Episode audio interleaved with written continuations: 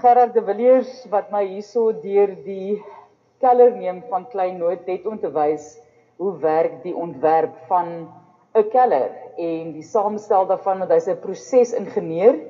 Gerard, is dit nou 150 kellers wat jy nou al voor verantwoordelik is in Suid-Afrika? Ek weet jy het oorsee ook hierdie prosesse en die ontwerp en die uitleg van kellers vir plase saamgestel.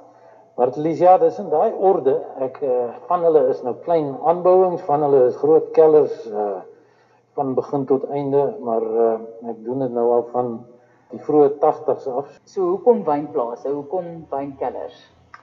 Dit eintlik maar so met tyd gebeur. Ek is opgelei as 'n struktuuringenieur, 'n siviele ingenieur en uh in die laat 70s en vroeë 80s het ek uh al hoe meer begin werk vir kliënte soos KWV en Stellenbosch Boerewynmakery. Daai dae was dit maar die 3, 4 groot maatskappye wat die drankbedryf beheer het, maar ek het siviele werk gedoen. En deur die jare het ek uh begin voel ek stel meer belang in die proses die vloei van die druiwe, die pluk van die druiwe, die verwerking van die druiwe en so met tyd het ek myself half afgespeen van die strukture en die geboue en meer begin konsentreer op die proses. En jy maak nou self op wyn. Al dit was nog maar 'n droom gewees deur die jare, soos meer kellers mense van ander ouens ontwikkel, hoe meer het jy begin voel eerlikheid, jy sal hom vir 'n 'n kellertjie van jou eie wil hê. Oorspronklike plan was maar om 'n klein stukkie grond te koop, amper 'n leefstyl kellertjie te bou daar. Met tyd het dit uh moeiliker geraak want jy kry nie sulke klein stukkies grond. Baie moeilik om 'n klein stukkie grond in 'n baie mooi area met goeie goeie grondtoestande te kry. In die in die jaar 2000 gekoop en stadig gaan ontwikkel en die drome nou al ontwikkel tot op die punt waar ons ons eie wyn oopmaak. Hierdie sommer net 'n stukkie grond gekry nie, dis absoluut idillies. Hierdie hele area is eintlik absoluut idillies, die die pragtige streek waarin jy jouself bevind die afry is dit Waterford en jy het Donier dit is die Blaaklippenpad waar jy gebaseer is so gaan jy vir my deurneem asseblief? Ek hou daarvan om wyn te drink maar mense verstaan nie altyd die sisteme wat betrokke is in die uitleg van 'n keller wat maak dit seker nou ook dan eh, water en elektrisiteit slim en volhoubaar. Gaaf maar dit is absoluut 'n plesier. Laat ek vir jou verduidelik. Ons is nou in die aflaai area. Dit is waar die druiwe al ons druiwe word met die hand gepluk en dit kom in klein pluk of wat tren om aan by 18 kg op 'n slag kom dit in hierdie ruimte in. Ons probeer om vroeg in die oggend te begin pluk en op te hou so teen 9:00 se kant sodat die druiwe koel is. Hoe warm dit waar warmer dit word deur die loop van die dag, hoe meer geure verloor jy. So jy wil dit graag koud inbring. Pluk vroeg en in die kamer sal ons dan die druiwe sorteer. Dit behels uh die die tafels agter my is vibreertafels, so jy gooi die trosse op 'n vibreertafel en mense letterlik met die hand haal blare af en takkies ensovoorts en die trosse, die skoon trosse val aan 'n uh, kameelperd wat hom daar opvat na bo deur die ontstingelaar en dan val die korreltjies op hierdie boonste tafel. Die tafel vibreer ook, mense staan langs hom en haal letterlik al die groen korreltjies al die rosientjies, dis wat jy nie in die wyn wil hê nie, al hulle fisies met die hand uit. Gooi weg en net skoon korreltjies val dan uh deur die uh laaste masjien wat net die doppe se se uh, velletjie breek en dan val dit in 'n klein tentjie wat ons dan gebruik om die korrels te vervoer na die fermentasietenke. Baie interessant. So wat is die jy gaan nou vir my verder so so deurneem, maar wat is die ek wil amper sê wat is die geheim van 'n uh, goeie wynkeller? Wel die eerste ding om goeie wyn te maak, soek jy goeie druiwe. Daar sonder selfs met die mees tegniese keller in die wêreld, jy gaan nie van swak druiwe goeie wyn maak. Maar as jy daai probleem oorbrug, is daar verskeie plekke waar jy kan verbeter op baie kellers. Een ding dink ek is presies wat ek nou van gepraat het, die sortering van die druiwe. In die aard van die saak, ons het nat jare, dan kry jy 'n bietjie vrot in die korrels. Ons het jare waar al die korrels nie uh gelyk dieselfde rypheidsgraad bereik nie en daai uh, groen korrels moet jy uithaal anders gaan dit jou wyn afekteer. Uh nou is meganiese masjiene wat dit redelik akkuraat kan doen, maar aan die einde van die dag is die beste maar om dit met die hand te doen. So die sortering van die korrels om seker te maak dat net jou heel beste korrels in die tenke gaan is dink ek baie belangrik. Daarna, daar is klomp ons frases wat mense gebruik van koud soaking van die druiwe om dit baie koud te hou vir klomp dae om die geure te vang voordat jy begin fermenteer. Daar is gravitasiekellers. Almal dink ek is bewus van die attraksie daarvan om nie jou druiwe dan te pomp nie. Ek het al hierdie moeite gedoen om so naby as perfek korrels te kry as wat ek kan. Nou wil ek dit graag bo in daai tank kry. Dit is nou 3 meter op by die bokant van die tank. Ek kan dit pomp wat meeste mense maar doen, maar in die pompproses is jy geneig om die korrels te beskadig. Die korrels bring tannine of of pitte ensovoorts. So jy wil dit versigtig bo in die tank. Nou ideaal gesproke het jy 'n gravitasiekeller. Dit beteken jy moet gravitasie gebruik om die korrels in die fermentasietank te kry. Al maniere jy dit kan doen is deur die aflaai area waar ons nou staan, bo op die tank op die dak van hierdie gebou te bou. Maar daar is kellers waar ons presies dit doen. Laai af bo op die dak skoon korrels val deur 'n gat gravitasie en fermentasie ding. Met van daar af sak die wyn af nadat jy nou die suiker omskep het in alkohol en sak die wyn af deur 'n gat in die vloer na die vatkeller onder in die onder in die keller. Baie interessant. En ek skep jy gravitasie net. Ja. 'n Redelike chequeboek nodig daarvoor want jou gebou is uit die aard van die saak jou wat duurder en jy het 'n perseel op jou plaas nodig wat skuins is. Ja.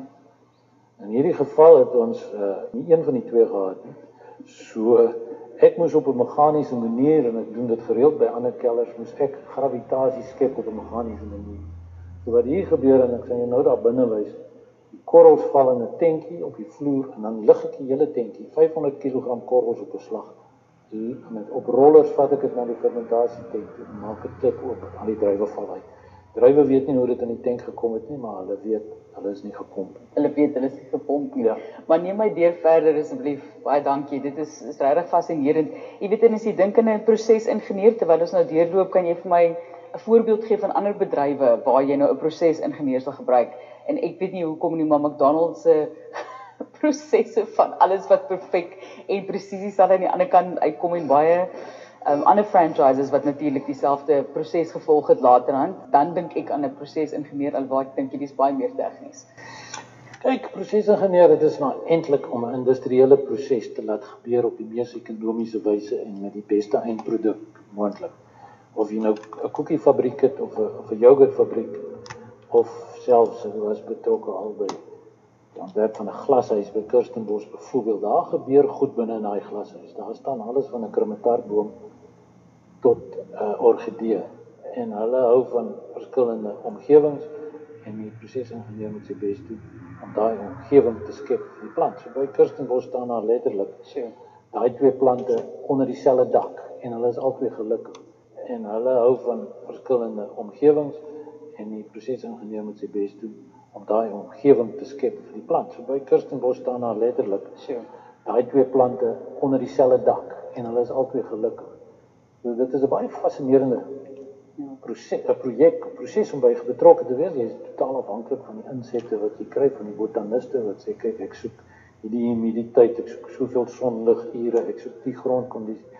So dis 'n baie lekker ja, uh proses om by betrokke te wees. En jy moet presies weet watter materiale vir sonlig en vir daai humiditeit en die perfekte omstandighede, kweekhuis omstandighede voor dit ook al sy binne in te skep. Helemaal Um, reg. en daar daar kom dan seker ook nou, daar's altyd innovasie, daar's altyd nuwe materiale, ek maar altyd. Ek is daar word aan ontwikkel natuurlik nuwe materiale, nuwe prosesse. Is dit iets wat jy derentyd maar op hoogte mee moet bly? Ja, jy moet bewus wees wat aangaan in die industrie. Jy moet reis, jy moet ander plekke gaan kyk, jy moet steel met jou oë, jy moet daai planne kan 'n 'n bou. Dis maar also in the eyes of the beholder. Ek was net weer om terug te kom na die glashuis, was ek by Kew Gardens by die Lady Diana House wat 'n verstommende glashuis is wat as jy as die wolke voor die son verbygaan dan is, word die ligte helderder. So daar's 'n rekenaar wat dit beheer. Kirstenbosch het nie daai tipe van geld gehad nie, so dit maak dit eintlik amper meer opwindend om 'n projek aan te pas by jou kliënt se begroting en jou bes te probeer doen met daai begroting. Ek gesels met Gerard de Villiers en ons is hierso by Kleinnoot om uit te vind hoe word 'n wynkelder ontwerp. Hy's 'n prosesingenieur en ons het al reeds gehoor hoe en sagkens of op die beste moontlike manier te behandel want ja, jy werk met goeie produk, dan moet jy ook 'n goeie stelsel daarvoor hê. 150 wynkelders in Suid-Afrika, jy het ook 'n paar oorsee ontwerp? Ja, met die soos die jare aangaan, uh, het mense my begin nader en ek het al kelders ontwerp in, in Kalifornië, in Napa en Sonoma, Vallei en ek het heel wat gedoen in Engeland. Ek weet nie of jy bewus is daarvan nie. Die Engelse het 'n ontploffing in vonkelwynkellers. Die eerste ou wat my gebel het, het ek gedog dis 'n grap wat een van my vriende met my maak toe hy vir my sê hy wil graag hê ek moet vir in Engeland ontwerp. en ek het hom glad nie vertrou nie en toe ek bietjie begin agterkom, hulle het besondere goeie terroir daar. Terroir is die grond en die omstandighede waarin jy druiwe kweek en produseer. Franse is geneig om te dink hulle die woord uitgedink en daar is net terroir in Frankryk, want dis nie waar nie. Jy het oral terroir. En as jy dink aan Engeland, is die jy weet jy die White Cliffs of Dover, dis kalk kalkerige grond en dis ideale grondtoestande. En weer is treurig in Champagne en so ook in Engeland. So dis ideaal vir vonkelwynkultivars. Ja.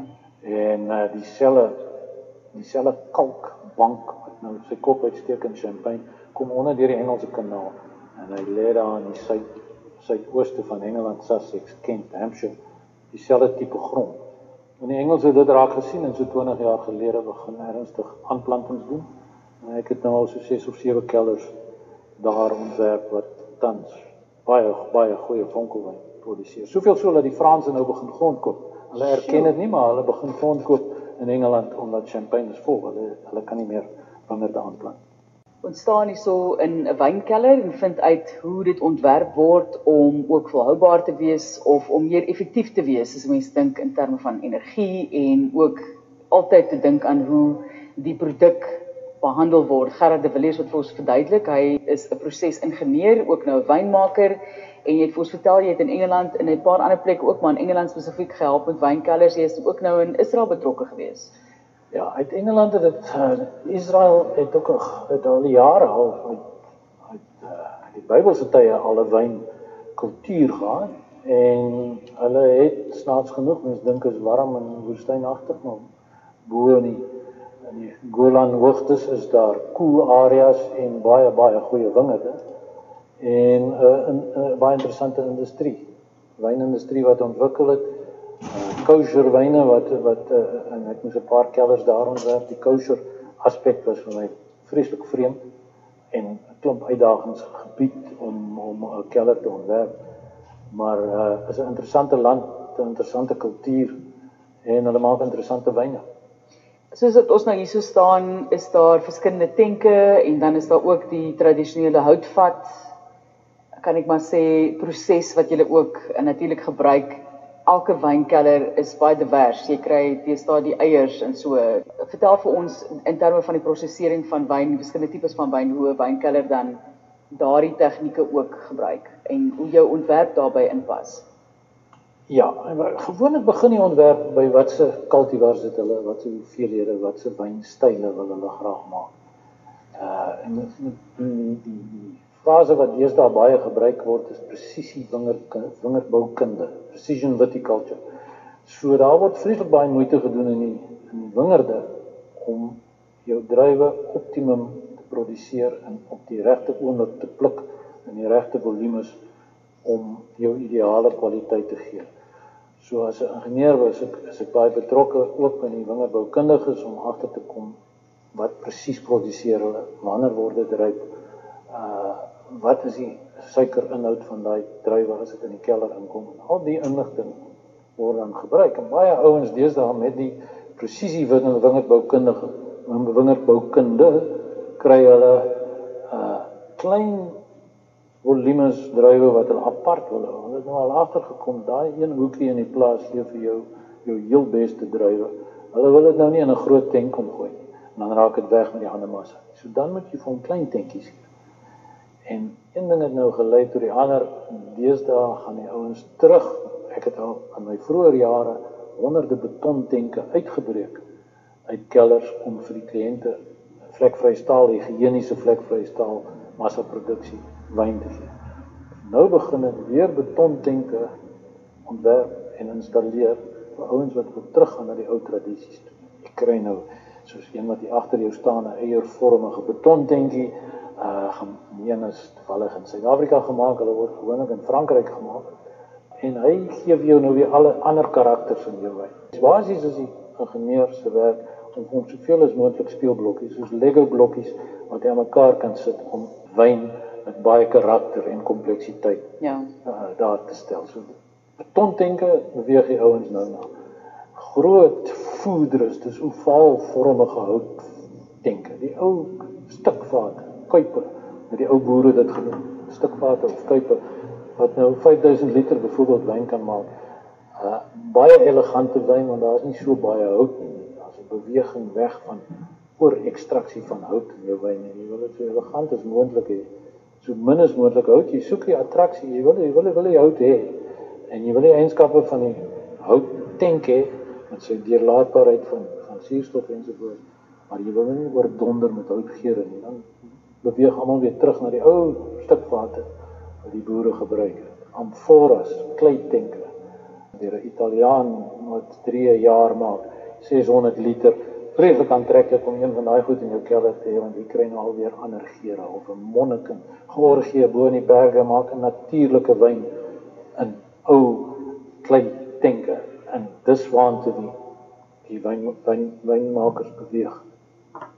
So watter kan ek maar sê boublokkies het jy om mee te speel hier in jou kelder? In die kelder het ek nou begin met boublokkies in die wingerd. Dis waar jy ek het ek het vyf verskillende grondtipes op hierdie plaas, dit my moeite gevat om te identifiseer. Toe het ek vier verskillende klone byvoorbeeld Shiraz ingevoer uit Frankryk. Destyds tydens apartheid het ons maar net 'n handvol klone, Shiraz klone kon kon gebruik wat beskikbaar was, kon nie invoer nie. Met die demokrasie in die middel 90s het ons skielik toegang gekry tot tot Franse klone of internasionale klone. So ek het vier verskillende klone geplant, ek het twee verskillende onderstokke geplant waarop die klone geënt is. Ek wil net graag verskillende blou blokkies, blou blokkies hê. Ek was baie bang ek kry net 'n tweedimensionele wyn uit my 10 hektaar uit. Ja. Seker ook baie wetenskap betrokke by die kies van die regte grond en ontleding wat gedoen is. So as jy nou vir my net kan sê in terme van die ontwerp wat jy hierso vir jouself gekies het. So jy het gekyk na jou wyne en die terroir wat jy mee werk en jou keller daarvolgens ontwerp. So as vanuit 'n oogpunt nou weer as prosesingenieur, wat het jy met daardie inligting gedoen wat jy gekry het? Ja, ek het toe my plaas opgedeel in 23 wingerdsblokkies, die 10 hektaar volgens al die boublokkies. Nou pluk ek hulle apart. Ek boer elke blokkie apart, ek besproei hom apart as ek hom wil besproei, ek pluk hom apart. Nou help dit nie ek bring daai drywe en sit dit alles in een groot tank. Dis hoekom jy soveel tanke hier sien met verskillende groottes. Dit is letterlik ontwerp om die plaas. So ek weet wat se blok gaan in wat se tank nog toe dit op my tekenbord was. Ja. Dan gaan die druiwe in daai betrokke tank en jy sal sien hier staan verskillende tanke. Hierdie tanke het toe bokant. 'n Groot mangat maar kan hom toemaak. Hierdie tanke hiersoos is heeltemal oop bo. Dan is daar grootes en kleintjies en daar's betontanke en daar is vierkantige tanke. Al die goed help vir my om verskille. Die wyn proe anders in 'n toe tank as wat hy in 'n oop fermenteerder proe. Ja. En uh party jare lekkerder in die een as in die ander, ander jare teenoorgestel, maar hulle proe anders en ek dink dit is die, wat wat wat mense soek in die wyn. As jy mens nou kan terugkom, ek het vroeër verwys byvoorbeeld na dinge soos ons weet die uitdagings wat ons het met elektrisiteit in Suid-Afrika. Jy wil ook tog dinge koste-effektief maak. Jy wil dalk ook kyk na waterbesparing, al daai tipe van dinge wat ons ook 'n probleem mee gehad het in die in die Wes-Kaap en groot dele van die land. Is daar maniere wat jy as prosesingenieur die wynkellers ontwerp om daai twee elemente of daai twee aspekte ook in ag te neem? Absoluut. Daar's klomp maniere wat mens wat ek amper geforseer was ons was so in luukse gelewe met soveel goedkoop krag as wat jy eintlik benodig gehad het, goedkoop water. En dit was vir ons almal 'n groot wake-up call toe ons skielik agterkom dat die krag raak op Meeste kellers oorweeg ons jou dilemma is oorweeg ons met sonkrag. Sonkrag is die duidelike ding. Die groot kragverbruik is maar in die somer, dit is wanneer daar baie son is. En die keller het is 'n helfte van ons dak hier so sonder sonpanele. So ek is vir 'n groot deel van die dag onafhanklik van Eskom. Ongelukkig uh, is dit baie duur om batterye te koop. So as die as die son nie skyn nie, het ek 'n probleem. Ek het die son nodig om my krag te kry. Ja. So ek het Eskom nodig om vir my te help as wanneer ek hulle nodig. As Eskom my val, het ek wat nou gereeld gebeur in die laaste tyd het maar eintlik al van 2008 af ja. het ek 'n uh, bystandskrag nodig. En op die stadium is dit nou maar 'n groot industriële diesel kragopwekker en hy sal as dit nodig is, sal die stelsel so ontwerp wees as alles op is sal hy inskop om vir ons krag gee, maar jy kan nie op 'n dag uh 10 uur in die oggend agterkom jou krag is op en jy het 'n hele stoor vol drywe wat moet verwerk word so gou as moontlik en uh jy het net nie daai luukse om te sit en wag nie. Gert, ek kyk hier na 'n baie lang lys. Ek het nou 'n paar keer verwys na die hoeveelheid van wynkellers wat jy al as prosesingenieur ontwerp het en dis 'n lang lys. So groot name hierby betrokke. Kan jy vir ons een of twee dalk uitwys wat vir jou 'n groot uitdaging was of wat jy baie trots op is waar jy sekere ingenieurs vraagstukke in die gesig gestaar het gedink het hoe gaan ons die ding doen op hierdie het 'n vroeër gesê jy soek eintlik 'n helling vir hierdie vir die manier hoe jy eintlik jou drywe wil hanteer en en nie op 'n pomp enigstens en so nie dat dit net natuurlik kan vloei as dit kom by gravitasie so is daar 'n paar wat vir jou uitstaan Ja, daar's baie. Daar's nou die klomp spoggerige kellers, die hoë begroting kellers wat wat vir mense baie plesier gee want jy het 'n kans om rond te speel. Ek dink aan Lomara of Tekara of Delair is nou die groot name en is almal wonderlike kellers wat wonderlike wyn maak. Maar ek dink aan die einde van die dag uh die kellers wat my die meeste plesier gegee het is die wat 'n klein begroting het en wat nou besonder goeie wyn maak. Mense het reg gekry om iets te maak werk met 'n klein begroting. Nou, ek dink as ek vinnig aan twee kan dink, die een is Newton Johnson in Hemel en Aarde vallei maak verstommende goeie Pinot Noir uh en ook Chardonnay goeie wyne en letterlik met Dave Johnson en sy vrou Felicity om met kombuistafel gesit. Sy's 'n geboutekenaar en met 'n potlood sit en planne maak met 'n klein begroting. En 10 jaar later maak hulle 5 ster wyne. Dit dit gee vir jou baie plesier. Ander kellers waar mense moet innoverend wees om binne begroting iets spesiaals te doen. Dink aan die toren en die uh oorspronklike instruksie van die kliënt was geen pompe nie. Hy amper soos kleinoot ons wil absoluut geen pompe hê. Die oorspronklike gebou was hoender hoenderstellasies waar hulle hulle hoenders in geteel het en dit ons toe omskep in 'n keller en ons het 'n industriële huisbak gekoop en in die huisbak het ons 'n wyntank gesit en die wyntank is soos 'n jojo op en af so as hulle prosesseer die druiwe in die tank so hierdie hele proses gaan om hierdie huisbank. Ek het jare later het ek 'n keller gekry in Frankryk. Die men die Franse sê toe vir my kyk asseblief uh voor ek nou begin, hulle is baie skepties om te werk met 'n Suid-Afrikaanse ingenieur om net te begin. maar ek moet tog kom kyk. Hulle het twee kellers wat hulle my wil wys. State of the art sê hulle. Een is Coste Esternel. Coste Esternel in in Bordeaux is 'n ikoniese keller, ongelooflike wyne en hulle het nou net 32 miljoen euro spandeer om die ding op te gradeer tot 'n fantastiese keller met 'n huisbak. En hulle is vreeslik trots hulle wys met die huisbak. En net daarna gaan ek net af in die verlei naby Sint Emilion sê hulle vir my maar hier's 'n ander keller en hy 'n huisbak, Fleur de Bois, ook verstommende wyne. En ek sê vir hulle boys maar hierdie Dis wonderlik wat julle hier gedoen het. Ons het dit al 15 jaar terug gedoen by Pretoria en ek beloof julle vir 'n fraksie van die koste. Hulle was vreeslik back af. Maar uh uh so dis sulke goed wat vir my baie plesier gee.